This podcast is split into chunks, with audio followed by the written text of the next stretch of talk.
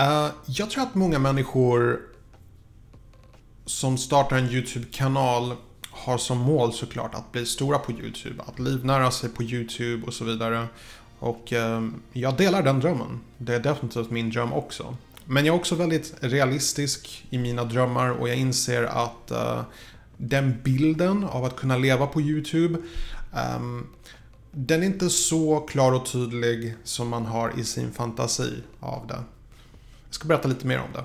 Två saker du definitivt måste acceptera om du ska bli stor på YouTube. Mycket nöje.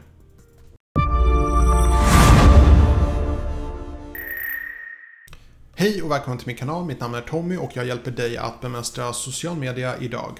Lite kort om mig själv. Jag jobbar som konsult. Jag hjälper små och stora företag att utvecklas och jag har en akademisk bakgrund inom marknadsföring.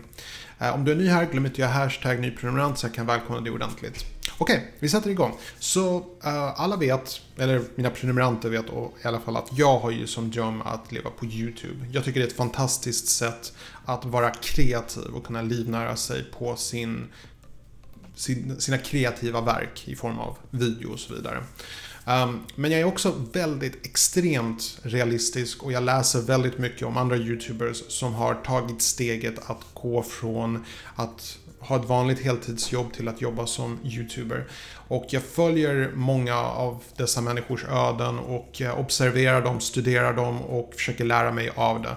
Så ett, ett antal saker, jag vet till exempel att du kan inte förlita dig bara på AdSense. Som jag sagt förut i en annan video, YouTube är inget jobb. Det är ingen YouTuber som kan säga att de gör det som ett jobb.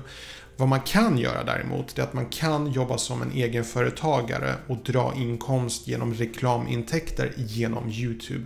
Men du kommer aldrig bli anställd av YouTube, det är inte så det fungerar. Eh, men det är inte riktigt den, den biten, den ekonomiska biten som jag vill prata om i den här videon. Det jag vill prata om, det är två saker som jag tror att många människor kanske inte riktigt inser. Eh, och det är typ två pris man måste betala för att bli stor på YouTube. Det ena är hat. Eh, det finns en liten mängd hatare som man upplever eh, när man är en YouTuber. Folk som kommenterar. De, de är bara troll, du vet, de försöker ge spyda kommentarer. Och när man är liten YouTuber så är det väldigt enkelt att hantera dem. Man kan blocka dem, man kan ta bort deras kommentarer. Väldigt enkelt. Men när man är stor, oj, oj, oj vad mycket man kan mycket hat man kan uppleva. Och det är väldigt svårt om inte man är hårdhudad att ta det personligt. Så man måste på något sätt bli mentalt förberedd att det kommer komma. Om man blir stor på YouTube, man kommer få höra ett och annat. Folk kommer kommentera på ditt utseende, på kvaliteten på din video, på dina åsikter. Folk kommer försöka få dig att uppleva sorg.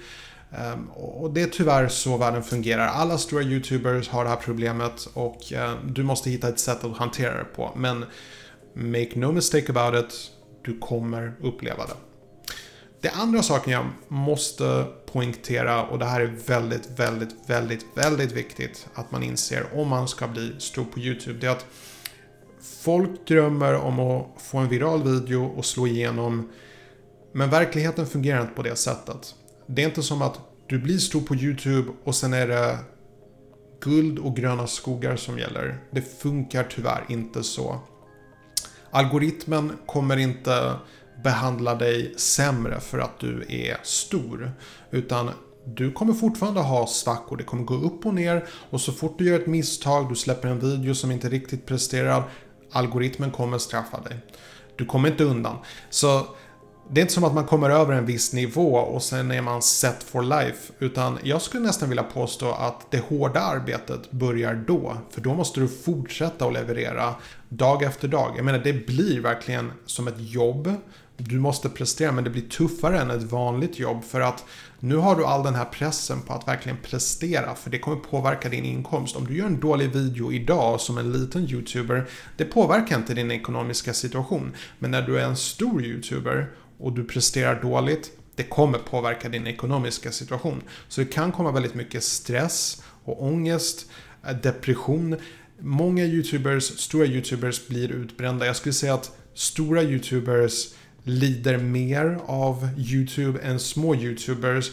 För att priset är så pass mycket högre. Man blir mer påverkad ekonomiskt och känslomässigt som en stor YouTuber än när man är en liten YouTuber.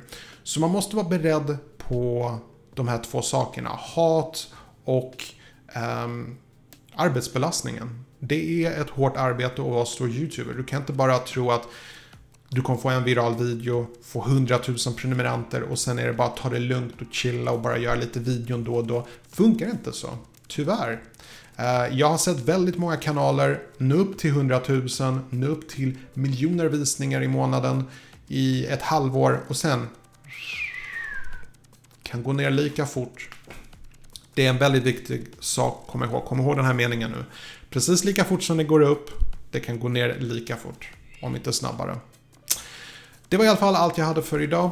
Eh, hoppas ni tyckte om den här videon. Passa på att önska er en trevlig fortsatt dag och så ses vi förhoppningsvis i nästa video. På återseende.